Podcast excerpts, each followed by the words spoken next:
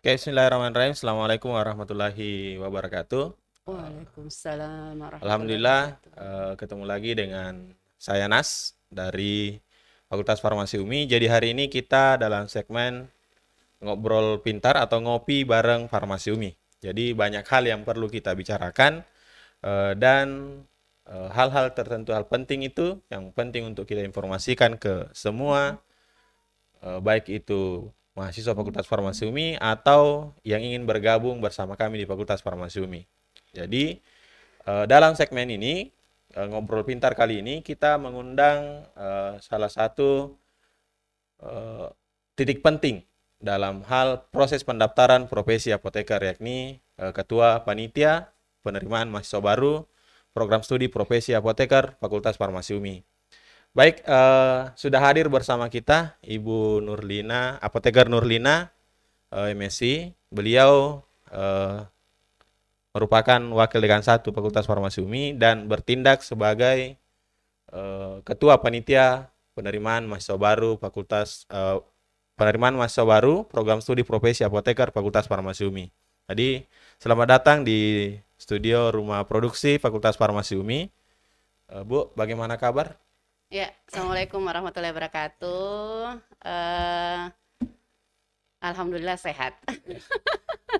Ya, Sehat. semoga senantiasa sehat selalu sambil menjalankan aktivitas-aktivitas keseharian kita. Jadi, eh, alhamdulillah tadi malam kita sudah pengumuman, Bu ya, sudah Ya, pengumuman untuk Sudah. tahap 2 angkatan 11.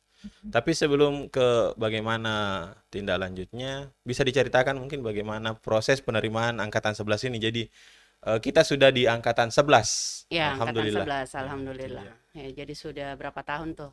Sudah lima tahun lebih ya? Ya, lima tahun Kurang lebih. lebih. Jalan tahun ke 6. Ya. Oh. Oke. Ja- eh, Jadi, setiap semester ya penerimaannya. ya, ter- eh, penerimaan untuk PSPA itu setiap semester. Hmm. Ini dipanggilnya Kak Nas atau siapa nih? Ya. Pak Nas? Kak Nas aja Ya, ya. Kakak Nas. Ya, Kakak Nas. Ya, kalau untuk bisa langsung dijawab kan? Iya, silakan. Ya, oke. Terima kasih Kak Nas. Eh, untuk PSPA sendiri, eh, karena sekarang sudah berjalan tahun ke Oh, sudah berjalan ke tahun ke-6 dan untuk angkatan sekarang lagi proses penerimaan untuk Angkatan 11, 11 eh, ya. dan sudah pengumuman. Eh, jadi ya, mudah-mudahan ke depannya bisa berjalan lancar ya untuk angkatan-angkatan berikutnya. Kalau untuk tahapannya sendiri, eh, setiap semester eh, kita sudah ada jadwal terkait dengan penerimaan maba PSPA. Jadi eh, jadwal itu kita sudah ada di website ya di website. eh, jadi eh, calon mahasiswa itu setiap saat bisa memantau seperti apa. Kemudian untuk prosesnya sendiri, eh, kita ada jadwal bahwa untuk penerimaan eh, mahasiswa apoteker itu kita bagi menjadi dua, ada alumni dan ada non alumni, ya. Jadi untuk alumni eh, yang jelas berarti anak eh, mereka menempuh pendidikan S1-nya di farmasi. Ya, Kalau non alumni berarti S1-nya di Di luar luar farmasi farmasi UMI, UMI. ya. jadi beda waktunya. Beda-beda. Ya. Kalau untuk jadwal ya jadi eh, biasanya untuk alumni kita lebih panjang, kemudian kalau untuk non alumni itu sudah jelas tanggal berapa sampai tanggal berapa dan biasanya agak di akhir ya, Kanas ya. Ya.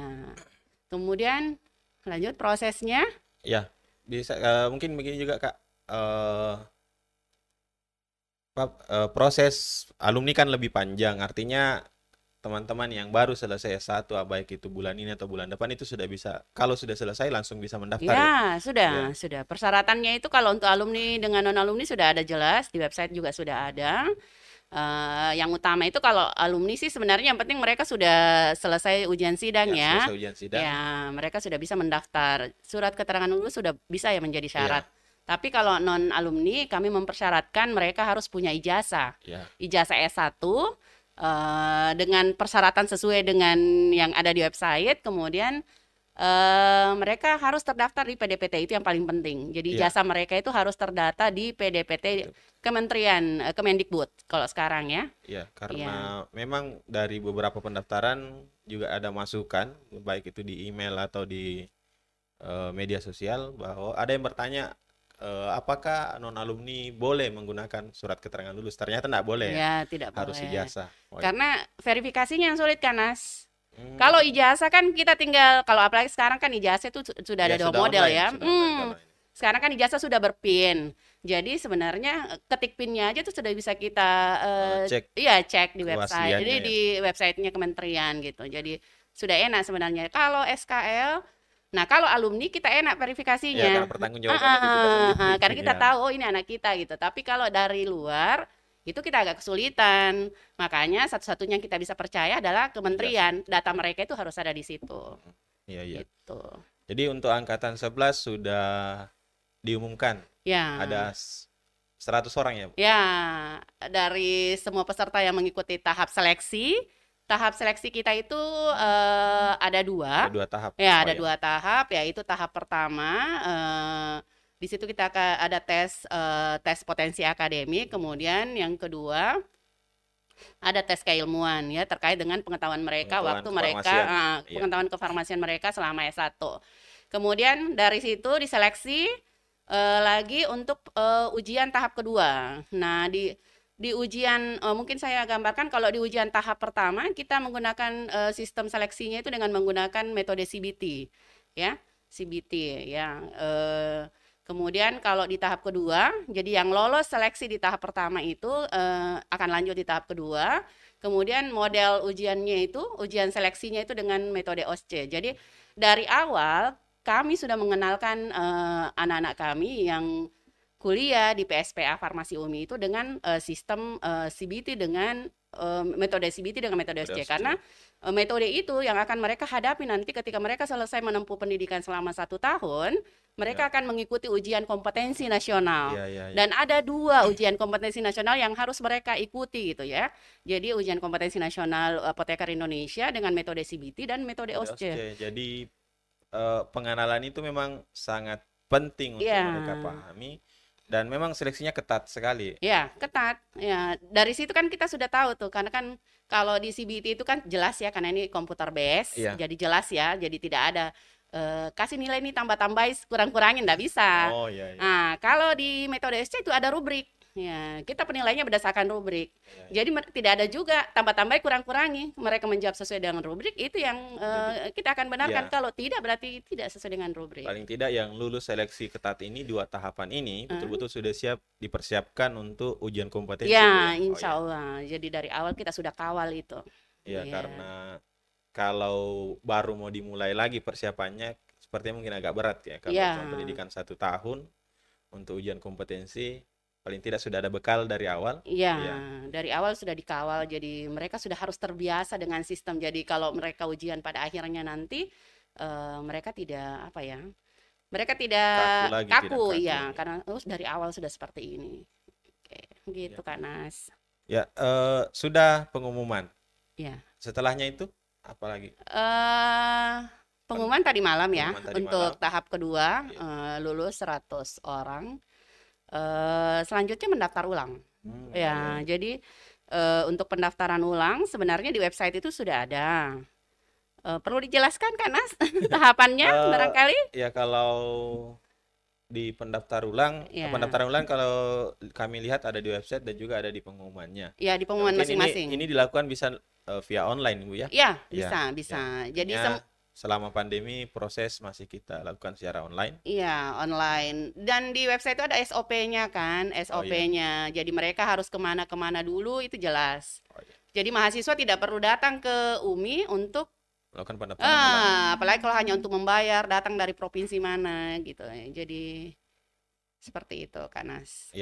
Eh, alhamdulillah tahapan untuk eh, angkatan 11 itu sudah masuk kita pendaftaran ulang. Pendaftaran ulang. Kemudian kalau di jadwal kalau tidak salah tanggal 19 atau tanggal 13 sudah mulai kuliah Ya, perdana. 13 ini 13 eh, Eh, Juli. Juli Iya. sudah mulai kuliah perdana untuk angkatan ke-11. Ke-11. Ya. Jadi sekarang ini lagi berjalan kan Nas proses pendaftaran ulang mulai hari ini ya, 16 sampai 25 Juni. Jadi, Jadi hari apa ya?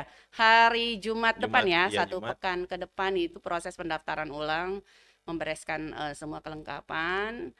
eh, kemudian nanti dilanjutkan berarti mereka istirahat itu sekitar 1 sampai 2 pekan Ah. sebelum kegiatan dimulai. Tapi kan eh, ya nanti kan Iya. dengan ada kegiatan SG ya, Studium General Iya, untuk kalau Rana itu mungkin bukan lagi urusannya Iya. masih panitia atau sudah ke prodi, Iya, nanti iya, kita eh, ini panitia Eh, eh, prodi, prodi ya. sudah kembali ke prodi. Iya, Ya, sudah artinya panitia penerima masa baru eh, setelah pengumuman dan pendaftaran ulang Selesai. selesai. Ya, kita sudah mengawal mereka, kemudian kita serahkan ke prodinya. Nah. sekarang angkatan 12 bagaimana? Sudah eh untuk angkatan 12 itu jadwalnya sudah ada, Oh, iya. sudah ada. eh jadi kita sudah eh, pimpinan fakultas sudah eh, mengarahkan ke kami. Kemudian eh yang jelas jadwal nanti ada di website kan, Nas. Iya. Eh, kemudian eh kalau internal, kalau alumni itu sudah tahu di kalender akademik itu kita pasti ada, ya ya di di kalender kalender akademik. akademik eh, PSPA itu sudah ada.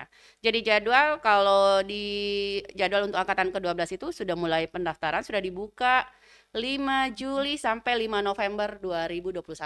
Itu untuk alumni. Untuk alumni. Alumni. Kalau non alumni itu 18 Oktober sampai 5 November. Ya, ya. jadi Ya. eh, untuk angkatan 12 ini berakhirnya di bulan November lagi. November ya. Jadi bersamaan eh, batas akhirnya Batas alumni akhir. dengan non alumni.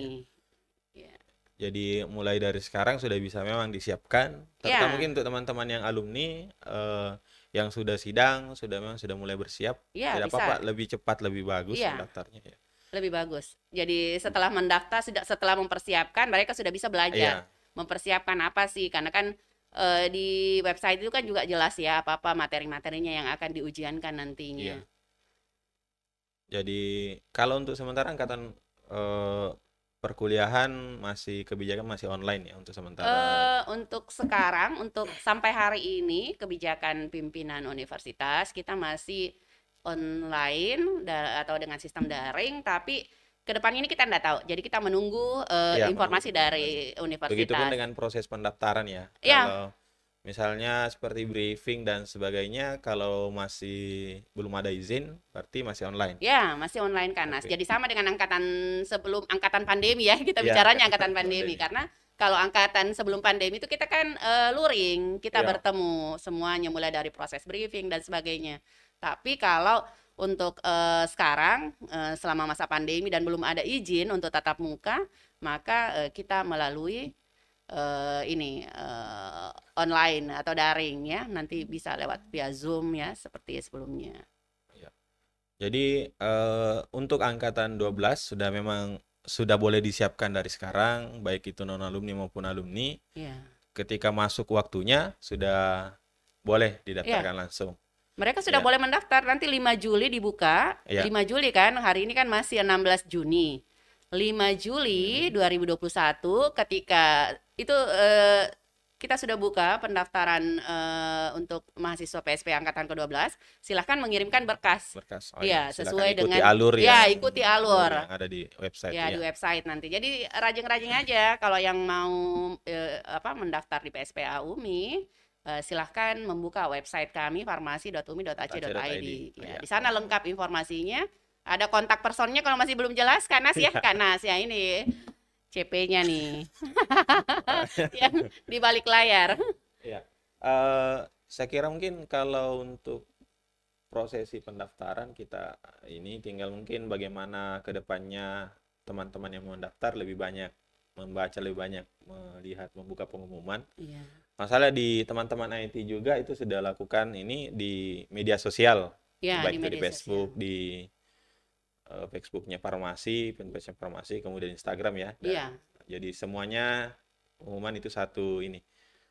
Eh, itu mungkin kalau ada pertanyaan-pertanyaan dari karena kita sedang live streaming, siapa tahu ada yang bertanya tentang Eh, satu Oh, mungkin ya. karena saya tambahkan bahwa di PSPA UMI tadi saya sudah bilang ya dari Ya. awal kita sudah kawal proses kita, kita Ya. mempersiapkan ya Mempersiapkan. semaksimal mungkin eh, sesuai dengan kompetensi kita gitu ya. Jadi eh, a- a- a- adik-adik yang bergabung di PSPA UMI dari awal itu kita sudah siapkan untuk menuju eh, kompetensi. Jadi mulai tadi dengan seleksi yang ketat, kemudian eh, eh, sistem Kemudian eh, selanjutnya ya, jadi nanti prosesnya juga eh, tujuannya sebenarnya satu adalah bahwa adik-adik ha- kita harapkan lolos di uji kompetensi Kompetensi. apoteker Indonesia ya ujian nasionalnya yaitu UKI CBT dengan UKI. CBT eh, dengan metode CBT dan metode OSCE. Iya. Itu yang paling kita inginkan gitu. Jadi dia dari awal memang sudah dikawal. Ya, jadi eh, salah satu tujuan seleksi ketat dengan dua tahap ini adalah mempersiapkan mahasiswa kita untuk menghadapi ujian kompetensi. Iya, Iya. ya itu langkah awal itu. Jadi belum lagi nanti di dalamnya kan ada Iya. banyak program dari Prodi ya. PSPA punya Ya, program-program prodi tersendiri. masing-masing eh, sendiri punya Iya, cara untuk bagaimana punya- Mengawal. mengawal ya, adik-adik kita supaya lolos di uji kompetensi ujian nasional. kompetensi. Iya, Iya. itu.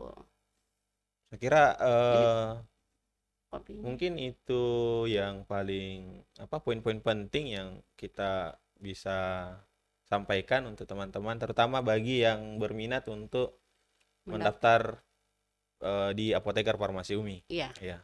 Jadi kita sudah masuk angkatan 11, insya Allah kuliah bulan depan. bulan depan insya Allah. Kemudian dibuka lagi untuk angkatan 12 dengan ya saya kira eh, metode ujian yang tidak jauh berbeda. ya. Iya. Kemudian persyaratan juga sudah jelas ada di media-media yang kita miliki. Iya.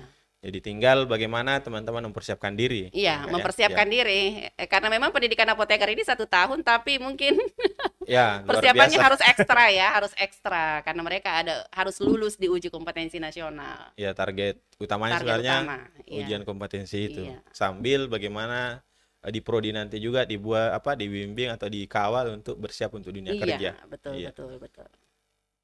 Saya kira itu saja, Kak. Atau Oke. ada lagi yang mungkin penting kalau bisa mungkin atau sedikit bisa ditambah untuk bagaimana S1 Kalau Masih. S1 sedang eh, berjalan juga Oh Pak, ya, kalau untuk program studi S1 sekarang lagi berjalan Kak Nas dan memang proses seleksinya itu melalui universitas. Iya. Dari universitas eh, dan jadwalnya itu eh Sampai sudah bulan- berjalan sampai tanggal 12 Juli 2021 ya. Jadi buat adik-adik yang mau bergabung dengan kami baik di program studi S1 maupun program studi profesi apoteker ya eh, silahkan join with us, kemudian buka website, buka eh, kita punya sosial media yang mungkin yang lebih gampang untuk mereka ini ya eh, mencari informasi. Kemudian kalau untuk universitas silahkan masuk di eh, websitenya universitas spmb.umi.ac.id. Oh, iya. Ya. Eh, ya mungkin yang terakhir sebagai tambahan pelengkap saja. Dengar-dengar farmasi Umi juga buka kelas internasional. Oh iya, ya untuk tahun ini alhamdulillah eh, Farmasi Umi untuk program studi S1 karena itu ditunjuk oleh universitas untuk persiapan kelas internasional. Dan alhamdulillah sampai hari ini sudah ada Sudah ada pesertanya. pesertanya. Iya. Ya, sudah ada peserta alhamdulillah. Ya, untuk jumlah kelasnya kita lihat Sesuai Seperti- jumlah peserta ya nanti. sesuai dengan jumlah peserta nanti. Jadi apakah satu kelas satu itu nanti eh, setelah Ya. pengumuman oleh universitas baru kita Pada bisa. prinsipnya eh, hari ini sudah apa di Fakultas Farmasi sudah ada apoteker. Ada apoteker. S1-nya sudah ada S1. S1 reguler dengan S1 kelas, kelas internasional. internasional. Ya. Eh, Lagi kemudian OTW kan Nas? OTW juga Prodi Program- S2. Ya, Iya, lagi Prodi OTW Magister. program studi Magister Farmasi. Mudah-mudahan segera ada izinnya ya. Oh iya. Iya. Oh ya Kak, terakhir eh, kita sudah menuju dua dekade.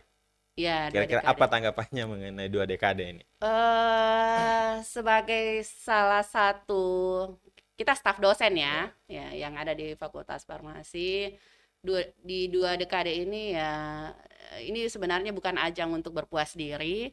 Jadi di dua dekade ini nanti eh, yang jelas ada acara besar-besaran ya, karena mungkin nanti ada podcastnya juga barangkali. Kalau eh, di jadwal ya kita paling tidak kita hadirkan juga ya nanti untuk bahas Ah. dekade secara rinci. Iya. Jadi sekarang mungkin eh, bagaimana tanggapannya atau bagaimana testimoninya selama berada di Farmasi Umi untuk dua dekade? Eh, yang jelas selama kalau saya mungkin enggak dua dekade ya Kanas ya, Ya. tapi eh, sudah hampir Mengikuti perjalanan menuju dua dekade ya itu. mengikuti perjalanan eh, selama eh, mendekati dua dekade ya yang jelas sangat bersyukur kepada Allah sudah ditempatkan di UMI di farmasi UMI ya ada banyak hal positif yang ada di sini motivasi dan sebagainya banyak deh kayaknya kalau saya cerita di Ya. sini nggak selesai ya Ya. Kanas jadi Ya, sebenarnya tanggapan suas- singkatnya Ah. ya untuk dua dekade.